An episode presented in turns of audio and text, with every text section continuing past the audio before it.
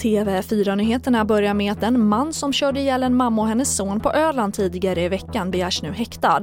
Han misstänks dessutom ha utsatt en annan familj för fara under färden. Han körde förbi en mamma med barnvagn och två tonåringar i hög hastighet. Och enligt åklagaren var föraren centimeter från den andra familjen. Mannen är i 55-årsåldern och han misstänks för bland annat grovt vållande till annans död i två fall.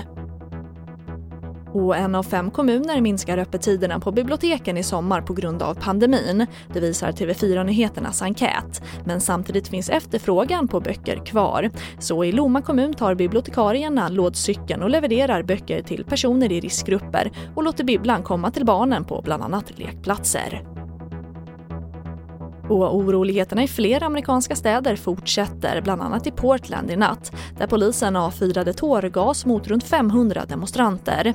Ett flertal organisationer stod bakom demonstrationen, bland annat Black Lives Matter-rörelsen.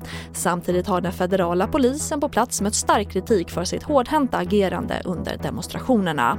Och det får avsluta TV4-nyheterna. Jag heter Charlotte Hemgren.